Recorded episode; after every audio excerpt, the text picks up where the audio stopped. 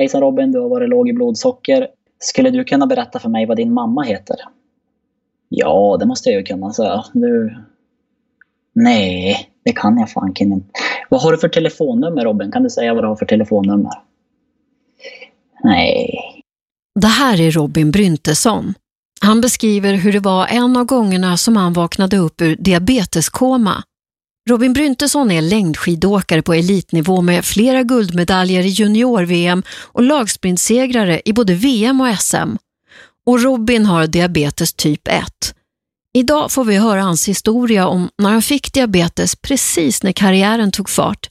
Om hur han har fått tänka om när det gäller sitt idrottande och vad han gör för att göra livet så positivt som möjligt för sig och så många andra som har diabetes. Jag finns som vanligt i poddstudion i Stockholm, men Robin finns med via Skype från Östersund. Hejsan hejsan! Var är du? Varför är du inte här? Ja, det undrar man ju. Jag har ju varit ute på ett litet träningspass idag. Vart ju närmare fem mil stakning i morse. Eh, så jag hann faktiskt inte ner till Stockholm. Det gick för sakta på träningspasset helt enkelt. Så jag sitter kvar uppe i Östersund ja, och ja, räknar regndroppar på eh, fönstret hemma i min lägenhet.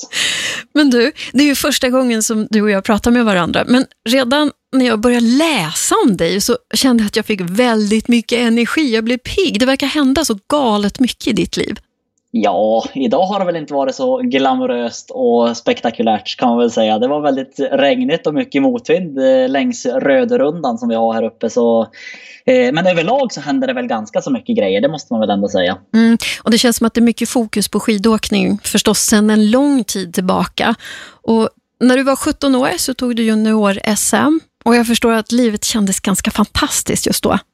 Ja, exakt. Jag kommer från en liten by uppe i Norrlands inland som heter Rossön. Då, och där är det ju egentligen mer älgar och björnar än vad det är människor. Så det finns ju inte så jäkla mycket att göra där. Så det blev ju längdskidor som blev sporten för mig. Då, eh, trots att jag gillar att plocka bär i skogen i form av blåbär och hjortron.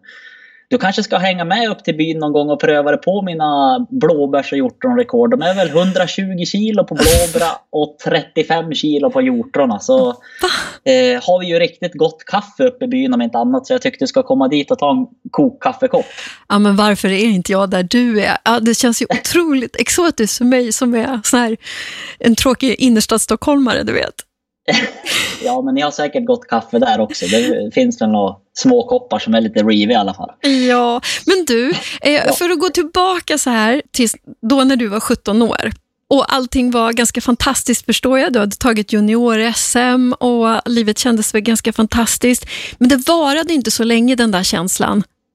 Nej, exakt. Jag tappade ju tråden där innan du ens hade gett mig den. Men eh, eh, jag började ju på skidgymnasiet, la allt fokus på att bli en duktig skidåkare helt enkelt. Och så lyckades jag ju vinna junior-SM i längdskidor och det var för mig ganska stort. Jag hade ju som bäst varit 42 tror jag på ungdoms-SM tidigare. Det var lite för mycket fokus på bärplockningen kanske innan.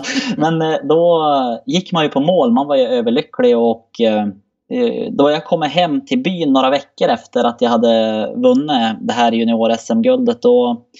Man kan väl säga också att det var ju mycket fokus på träning den här tiden. Det var ju otroligt mycket träning. 400-500 timmar konditionsträning var ju en stor omställning i livet för mig. Så efter junior-SM då slappnade man där av och man blev ju som nöjd och glad att jäklar värsta tävlingen, största tävlingen på året var redan gjorda och så gick det så bra. Så då eh, gick man ju på moln ett tag. Men någonting som hände där strax efter det var att jag började pinka så förbannat. Jag pissade och drack och pissade och drack och drack som en häst till slut och pissade som en kamel. Det var ju nästan så att man fick eh, ställa en hink bredvid sängen på nätterna för att springa upp och pinka både en, två, tre, fyra, fem, tio gånger ibland tror jag det var till och med. Oj. Otroligt många gånger. Men jag var ju ung och dum ja, och jag är väl ingen raketforskare i grunden så jag tänkte väl att eh, pinkar man mycket då dricker man ju mycket och dricker man mycket då borde man ju pinka mycket. Ja. Så det var väl inga, inga konstigheter egentligen tänkte jag.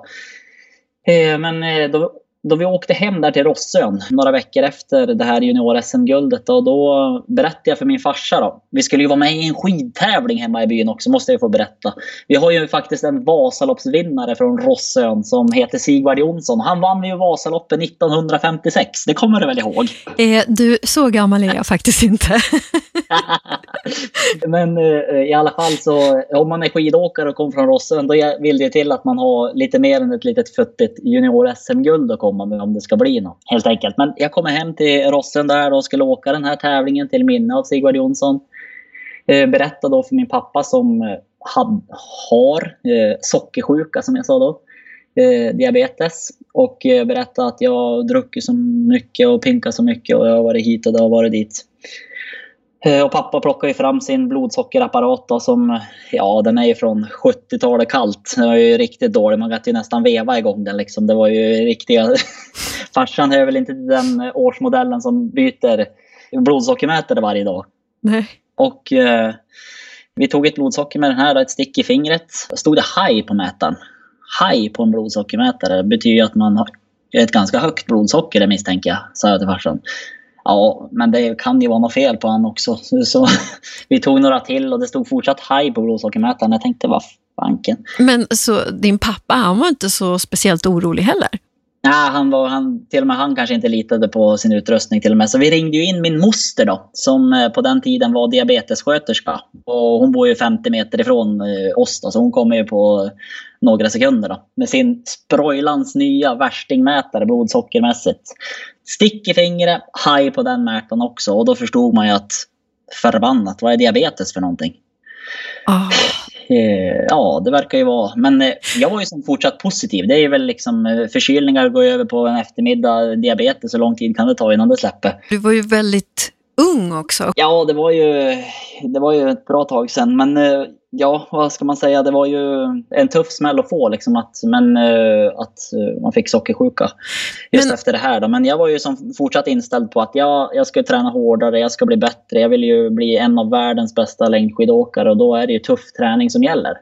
Mm. Så jag åkte väl in till lasarettet eh, med den inställningen också och ville ju liksom fortsätta träna på en hög nivå och eh, utvecklas som skidåkare och bli duktigare så. Men vad hände då när du kom in till sjukhuset?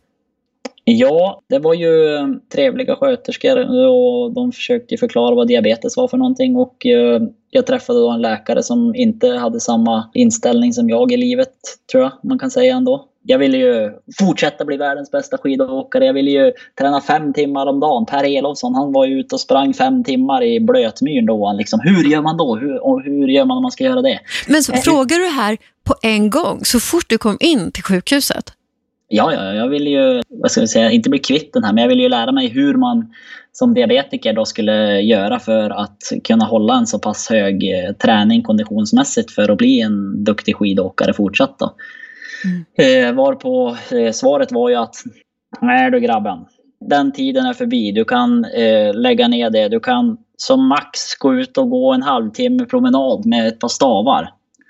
Det ska du försöka hålla dig till. Nej men det går ju inte så. Man blir en halvtimme om dagen går ju inte om man ska bli världens bästa skidåkare.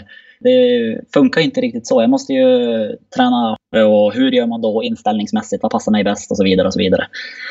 Mm. Så den här läkaren som jag var den första som jag fick, vi kom inte riktigt bra överens tycker jag i alla fall. Och jag tycker att han drog ner rullgardin hela vägen ner till, till backen och det, det var ju inte riktigt det jag hade förväntat mig att höra i alla fall. Vad kände du då? Eh, ja, men jag säger väl som min eh, bättre halva idag brukar säga. Robin, du är för jävla dålig på att lyssna. och eh, det är jag väl fortsatt också kanske, för jag har ju aldrig lyssnat på så många. Förutom dig då. Ja, det hoppas jag. men eh,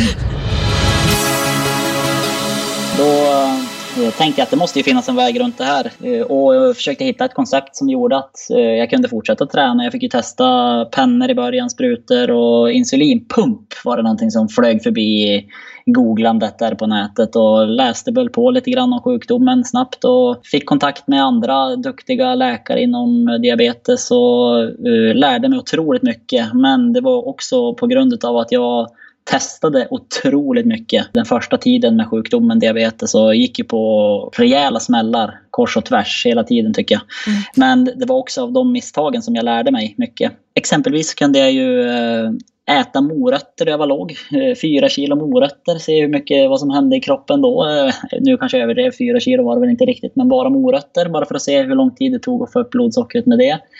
Ibland kunde jag koppla av med min insulinpump. Jag hade ett lågt blodsocker för att bara pinligga, bändligga. Eh, för att se om jag kunde skrämma upp blodsockret på något vis. Eller vad, vad som hände. Och eh, adrenalinkickar, vad hände då jag fick, eh, försökte koppla på sådana. Liksom och, du laborerade hej vilt? Ja, exakt. Jag har ju aldrig varit särskilt eh, obrydd så. Så att jag testade mig fram otroligt mycket de första åren. Och som sagt, jag gick på mycket miner men jag lärde mig också otroligt mycket. Och fick ju till det bättre och bättre i skidspåren också. Och ganska snabbt så hittade jag ju hur jag skulle göra inställningar till träning och hur jag skulle göra inställningar till tävlingar. Och jag åkte fortare och fortare i skidspåren. Och, och jag lärde mig mer och mer liksom, helt enkelt. Man kan vara lite mer noggrann Eh, och framförallt det viktigaste som jag tror är viktigt för alla diabetiker. Det är väl att man lyssnar på sin kroppssignaler och eh, de kommer ju av någon anledning så då måste man ju lyssna på dem även om man är en tjurskalle. Mm. Men du Robin, det känns ändå när du berättar så här så känns det inte som att du har tvivlat en endaste sekund utan du har bara kört på. Ja, det är väl en bra beskrivning. men alltså, du skämtar ju mycket också där. Och, ja, jag försöker väl. Ja, men ändå så tänker jag att det här är ju faktiskt en sjukdom som man har resten av livet och som inte är att leka med, som är ganska farlig.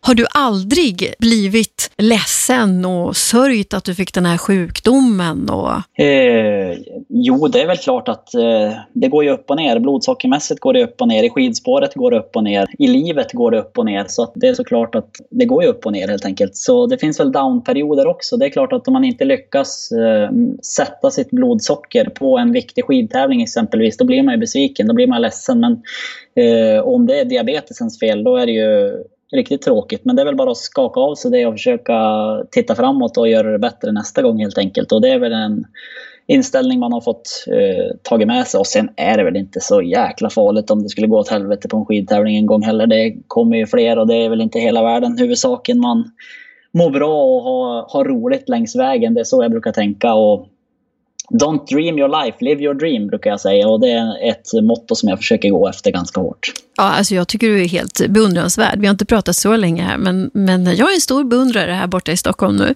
Men, men... ja, du är min enda beundrare i Stockholmsområdet. Nej, det tror jag inte. Men du, tänker du någon gång att du skulle kunna varit ännu bättre på skidor idag ifall du inte hade fått diabetes? Oh ja.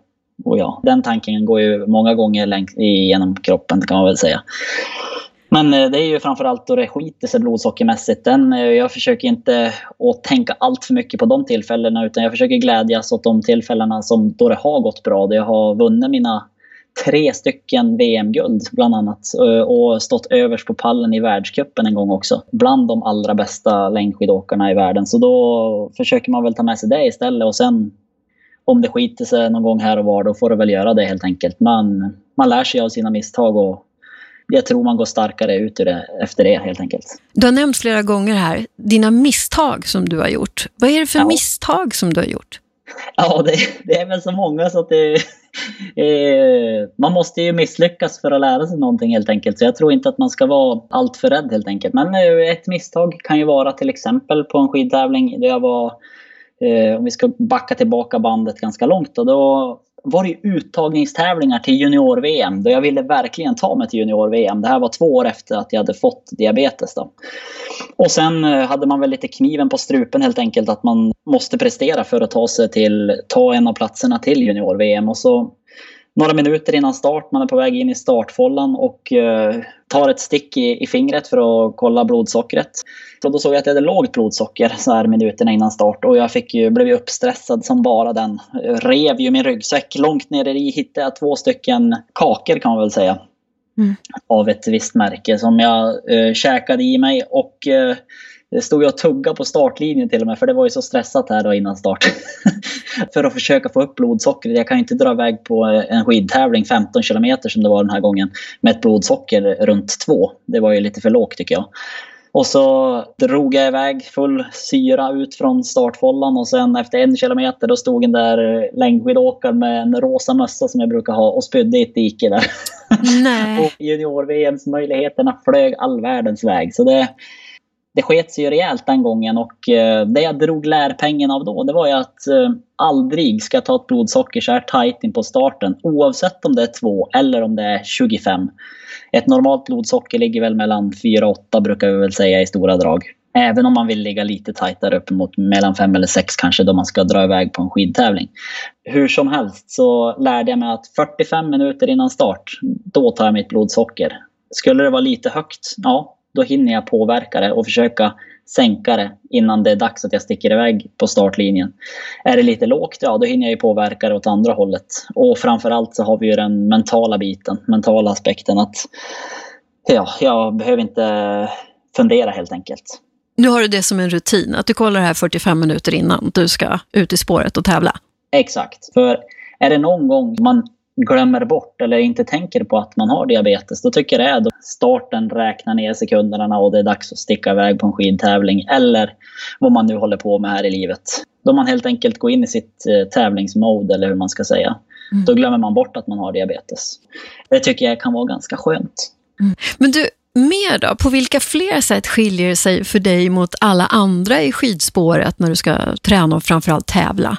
Eh, ja, man måste ju hela tiden eh, ligga ett steg före, eh, tycker jag. Som diabetiker, man måste ju veta att eh, nu ska jag ut och staka i fem mil som vi gjorde i morse. Då kräver det träningspasset vissa inställningar och jag behöver ha energi av det slaget.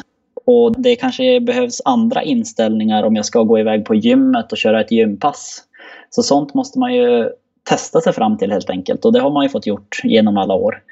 Mm. Ett praktexempel jag skulle kunna dra på och testa sig fram helt enkelt. Det var ju eh, jag åkte mitt första Vasalopp. Har du koll på vad Vasaloppet är för någonting? Jo, men jag lever ju faktiskt med en som brukar göra det ibland också. Ja, men vad bra. Då ja. har du ju kollat. Ja, det är väldigt långt. Ja, det är ju nio mil. Ja. Eh, allt är väl relativt, men det är ju en förmiddagsarbete i alla fall kanske. Beroende på vem man är. ja, exakt.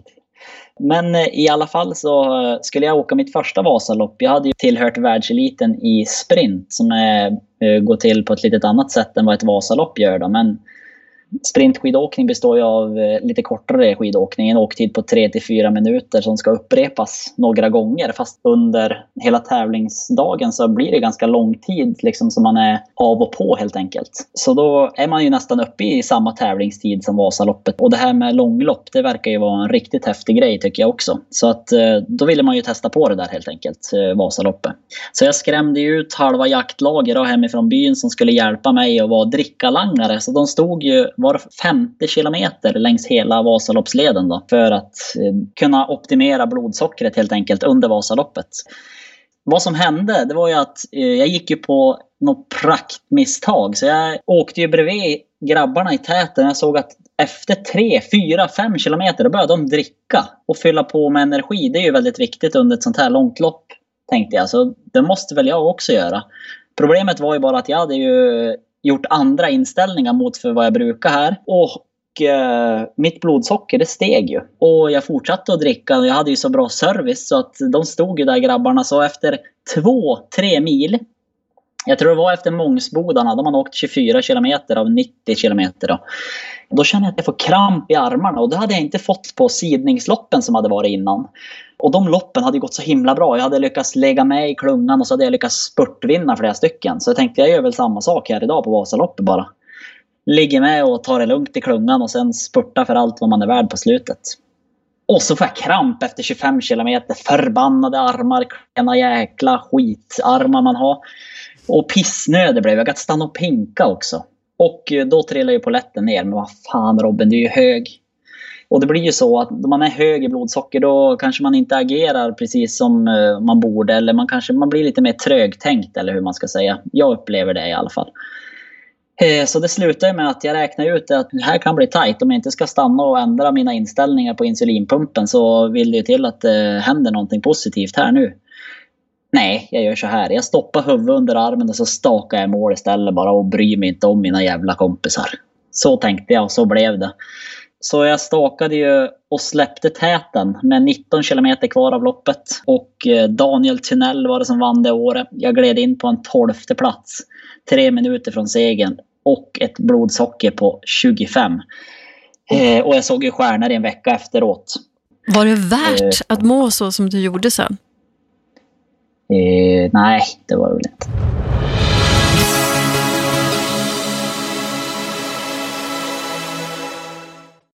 det är en sak att ta sig igenom Vasaloppet. Det är en stor bragd och en stor merit för de som klarar av det. Men ska du vara topp 100, ska du vara topp 10, ska du vinna Vasaloppet, då vill det till att alla pusselbitar faller på rätt plats. Och framförallt så en sak som är otroligt viktig om det ska funka, det är att blodsockret ligger på rätt nivå helt enkelt. Just det. Och du, jag har hört att det är vanligt att man brukar tömma sig på kolhydrater och sen fyller man på precis innan tävling. Men hur gör du med den saken just med kolhydrater? Jag har väl aldrig kört någon regelrätt kolhydratuppladdning. Jag tror ju på taktiken lagom är bäst helt enkelt. Så jag vet jag att jag ska göra ett tyngre träningspass eller göra en, en tuff prestation helt enkelt, då brukar man ju käka kanske lite mer kolhydrater. Men jag är inte en sån här som tömmer eh, alla depåer och håller på i flera dagar och sådär. Utan eh, så är jag väl överlag vad det gäller kost. Utan jag, jag kör inga såna här eh, superduper dieter utan det är egentligen husmanskost och mammas hemlagade som är det bästa tror jag. Så det är inte så att Nej. ni håller på hemma och tänker på att men det här är bra diabetesmat och det här ska vi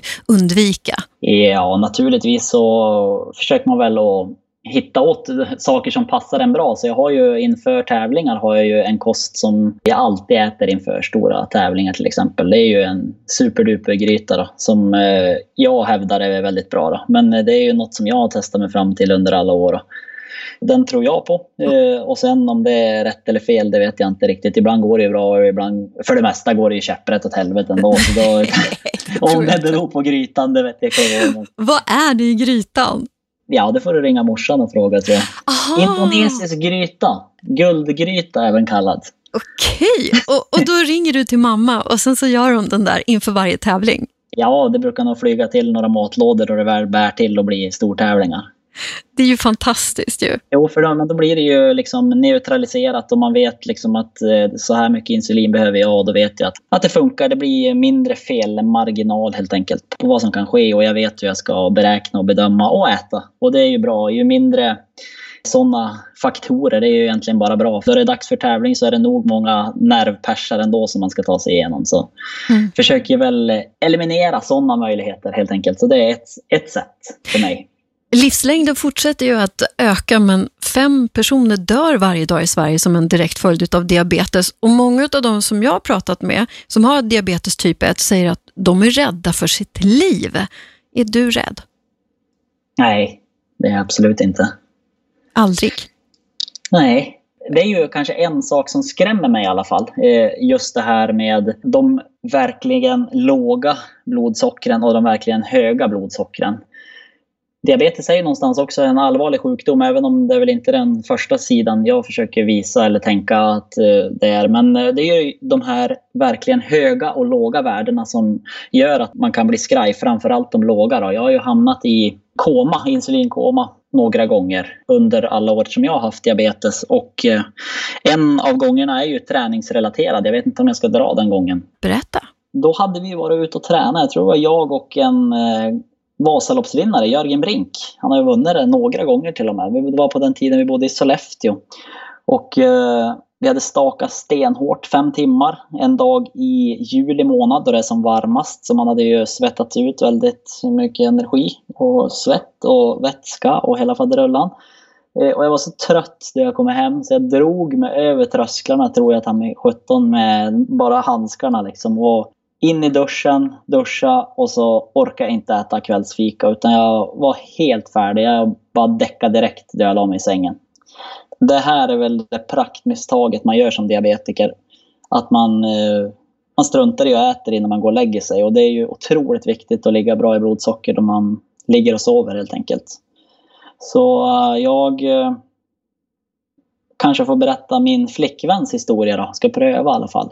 Eh, för det är hon som vaknar upp här då. Och det måste ju vara bara en eh, jobbig eh, situation eh, att se sin andra halva ligga där. Och jag hade ju börjat krampa då rejält.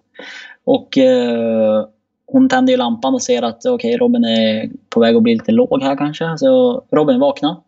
Och jag vaknar inte, jag fortsätter krampa. Och, men vaknar och skäller till lite grann, precis som för en timme kan göra. Kan jag tänka mig? Jag vet ju inte. Men eh, för jag var ju på någon annan sida då helt enkelt. Och till slut så förstår ju hon att jag är jättelåg. Eh, hon springer väl runt som en yr höna inne i lägenheten och försöker hitta våran glukagonspruta eller energi eller allt socker som kan hitta. Varpå det går ganska dåligt, hittar ingenting, blir stressad, ringer alla möjliga och så till slut så ringer jag ambulansen då. Kommer ambulansen och de eh, kommer in i sovrummet det var enda gången man har varit i sovrum med tre brudar och likt förbannat så kommer man ju inte ihåg hur det gick till. Det var ju typiskt det. Du skämtar verkligen om allting Robin. förlåt, förlåt, förlåt. Nej, det, det är din historia.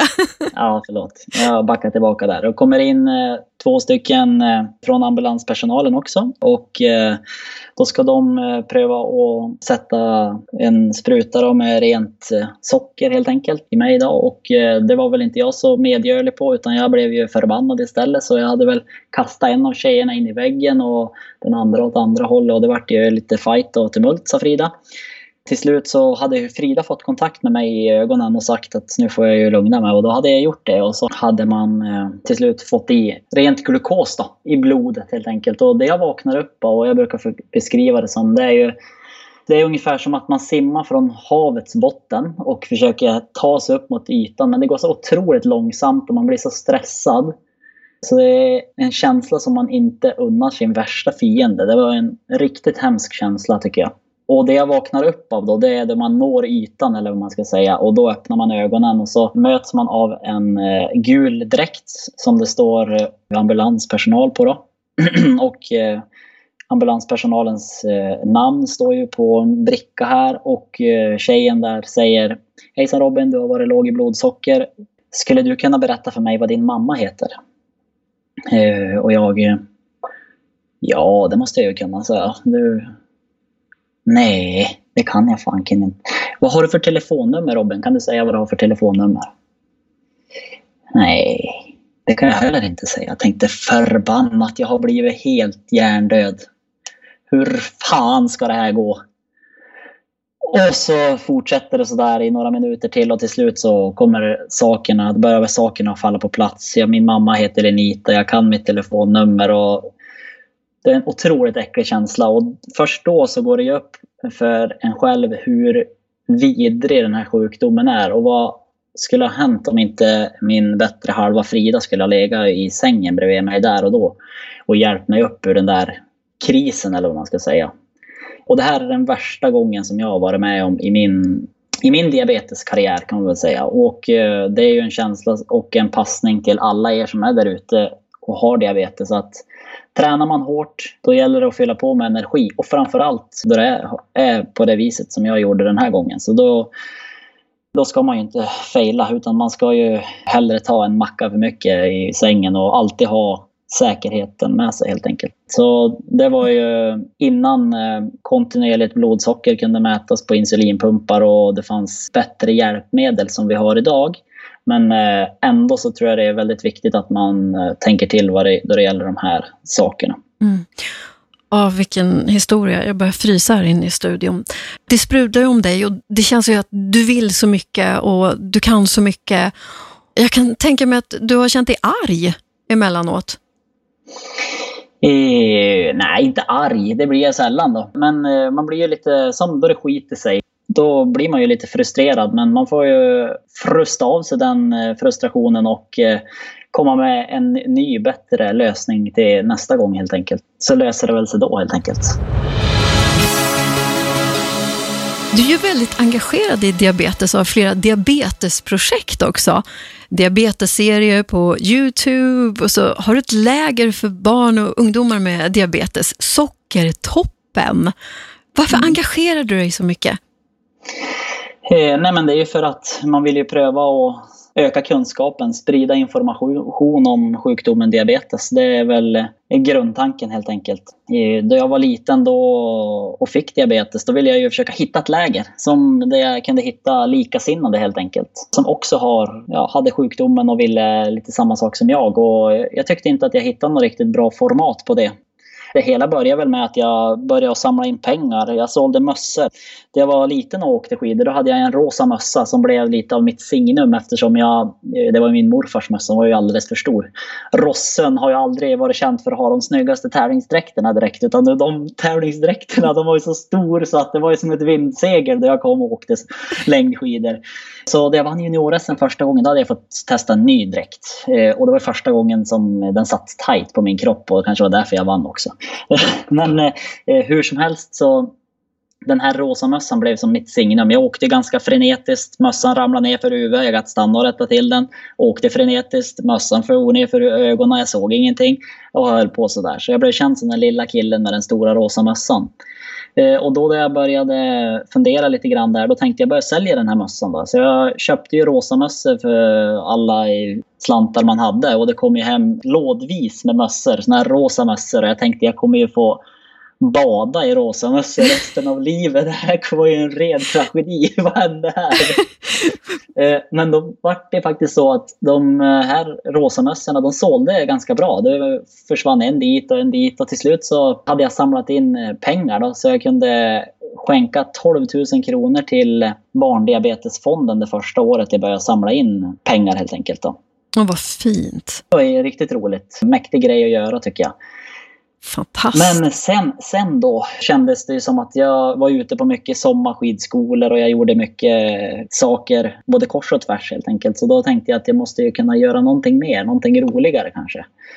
För de här pengarna. Så vi började sälja alla möjliga saker. Allt som har med längdskidor att göra nästan. Robin eh, Edition! Robin Edition, exakt. Ja, helt enkelt. Då startade vi 2011 Sockertoppen istället. För att eh, ändra vinkling på det helt enkelt. Att det ska vara toppen ha sockersjuka helt enkelt. Så vad gör ni på det här lägret då? Eh, ja, min tanke från början det var ju liksom att vi skulle, nummer ett, eh, och det är väl genomgående i alla mina projekt, det är att ha roligt. Nummer två, försöka utmana sig själv. Att alla ska utmana sig själv. Men framförallt skulle vi öka kunskapen och självförtroendet hos de, de aktiva på lägret. Då. Så första året på Sockertoppen då, då var det 11 barn med tror jag. Jag offrade då alla mina sponsorer som jag hade inom längdskidsbranschen kan man säga. Istället för att jag skulle få pengar av en sponsor till exempel så såg jag till att alla barn fick någonting av den sponsorn istället. Till exempel ett par glasögon eller vad det nu kan vara. Så jag försökte sätta barnen i första prio att det skulle vara roligt att ha diabetes. Att det inte bara skulle vara skit. Mm. Som var väldigt många som eh, beskrev det. Och vi hade ju jätteroligt det första året och sen eh, Ja, det året då tror jag vi till och med åkte och hämtade barn hemma där de bodde för att försöka få dem till lägret. Då vi öppnade årets anmälan till Sockertoppen, det här är ju nu sju år senare då, öppnade vi anmälan den eh, 20 december 2016 och vi skulle ha 70 platser tillgängliga på lägret i år var planen. Och vi öppnade anmälan 04.11 på natten eftersom jag hävdar, och det här är ju en väldig hypotes, eller det är bara en hypotes, att flest diabetiker går låg i blodsocker 04.11 på natten. Mm. Så då öppnade vi anmälan till årets Sockertoppen då, och då på en minut var lägret 70 platser borta och det var ju över 200 i kö i år. På en minut? Klockan 04.11 på natten? Ja, så var det fullt. Det var helt magiskt. Men det, det måste ju kännas great. helt fantastiskt. Det var jätteroligt. En kul vinkling på det hela. Ja, verkligen. Men du, vi måste bara gå tillbaka till den här rosa mössan. Jag såg lite framför mig. Det var så gulligt på något sätt. Men jag trodde att det var du och din mamma och mormor och kusin som virkar de där mössorna. Ja, det har vi ju också gjort. Det var ju senare. Det, den här första mössan jag hade, det var ju en mössa som eh, liksom, man kunde tävla i, som jag har tävlat i hela tiden. Sen har vi börjat då med lite andra artraljer och sånt också. Så då bland annat en handvirkad mössa såklart. Och de har vi också sålt ja. Till förmån för Sockertoppen då. Ja, det är jättegulligt. Fast du, jag såg också att man kunde köpa en sockerbit för 20 kronor på din webbshop. Är det en vanlig sockerbit eller vad är det för någonting? ja, nu tog jag upp den också. Ja, det var ju typiskt. Då kan ni ju ringa mig och komma in med en bra kvalitetssäker lösning på hur man gör sockerbitar. För det, Ja, jag hade ju en teori där jag var med i landslaget. Då fick vi inte ha våra sponsorer. Vet du. Ja, det var en konstig deal helt enkelt. Det här ska vi inte prata allt för högt om, men jag gör det ändå. Eh, hur som helst, så man fick inte ha en egen sponsor på dräkten synlig. Det var ju förödande för mig i alla fall. Eh, så då ville jag ju pröva hitta på något nytt. Då. Så då i dragkedjan helt enkelt på jackan. Då började jag och en kompis hemma i byn, Paul, som är en riktig idéspruta, började vi meka på egna sockerbitar. Och eh, vi gjorde ju de här då i Ja, de är ju tillverkade på ett visst vis, men det tar otroligt lång tid och galet mycket jobb bakom. Då jag skulle göra 20 sockerbitar, då tog det väl mig ett dygn i alla fall. Så de ska kosta betydligt mer än 20 kronor styck egentligen? Jag är ju en bedrövlig affärsman, så det, det vart ju, jag är ju alldeles för um, snäll för att ens uh, kalla mig affärsman. Men skit samma. det vart ju en rolig grej det här då, tänkte jag. På alla mina dragkedjor på jackorna så hade jag en sockerbit hängde och dinglade. Ja. Eh, så då vart det liksom, men Robin vad är det där för någonting som hänger där? Ja, det är en sockerbit och jag är sockersjuka och jag har diabetes och jag har ett läger för barn och ungdomar med diabetes. Så på grund av den här sockerbiten så har jag nog fått uh, förklara min sjukdom för ja, det är nog flera hundra personer i alla fall. Enkom på den då. Så det känns ju ändå som en liten win, men det är ju en... Vi tog ju som sagt 20 kronor för de här då och det var ju som att materialkostnaderna var ju nästan dyrare. Och det, vart ju lite terapiarbete att utföra det här då, men det var ju... Ja, en av mina sämre affärsidéer kan man väl säga. Men det var, det var en rolig grej en, en bra symbol som uh, kännetecknar diabetes tycker jag. Verkligen. Men du, jag blir väldigt nyfiken på vad är ditt nästa projekt när det gäller diabetes? Ja, Sockertoppen är ju ett, har ju växt ur brallorna nu så det håller vi på att räkna ut hur vi ska kunna göra större, bättre och vassare.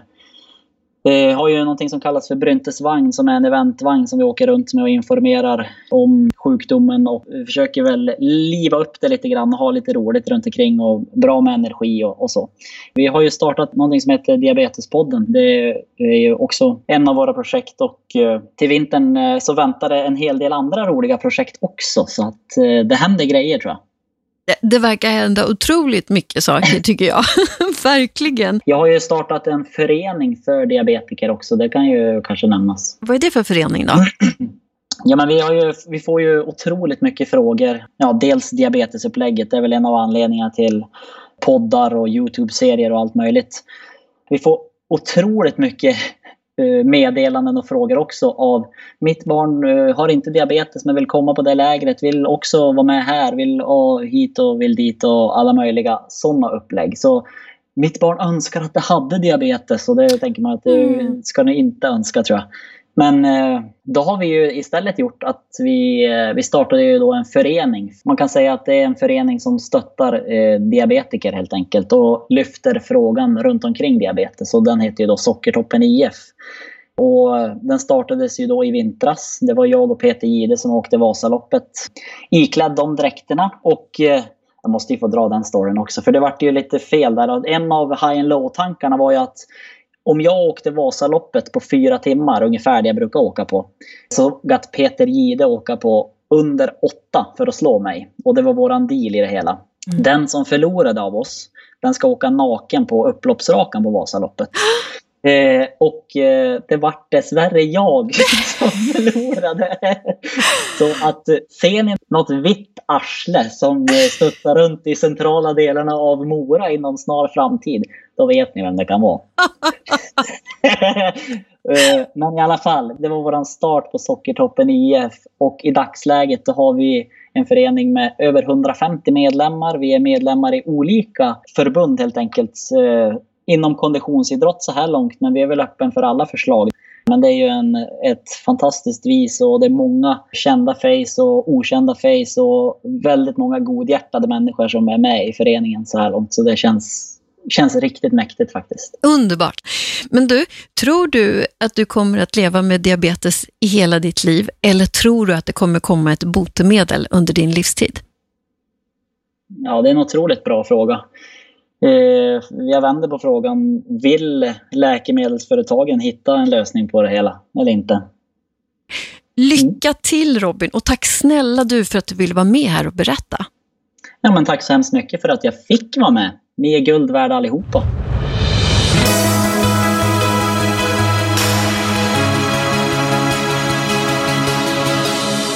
Kunskapen om diabetes är väldigt låg i Sverige och det vill ju vi ändra på i den här podden.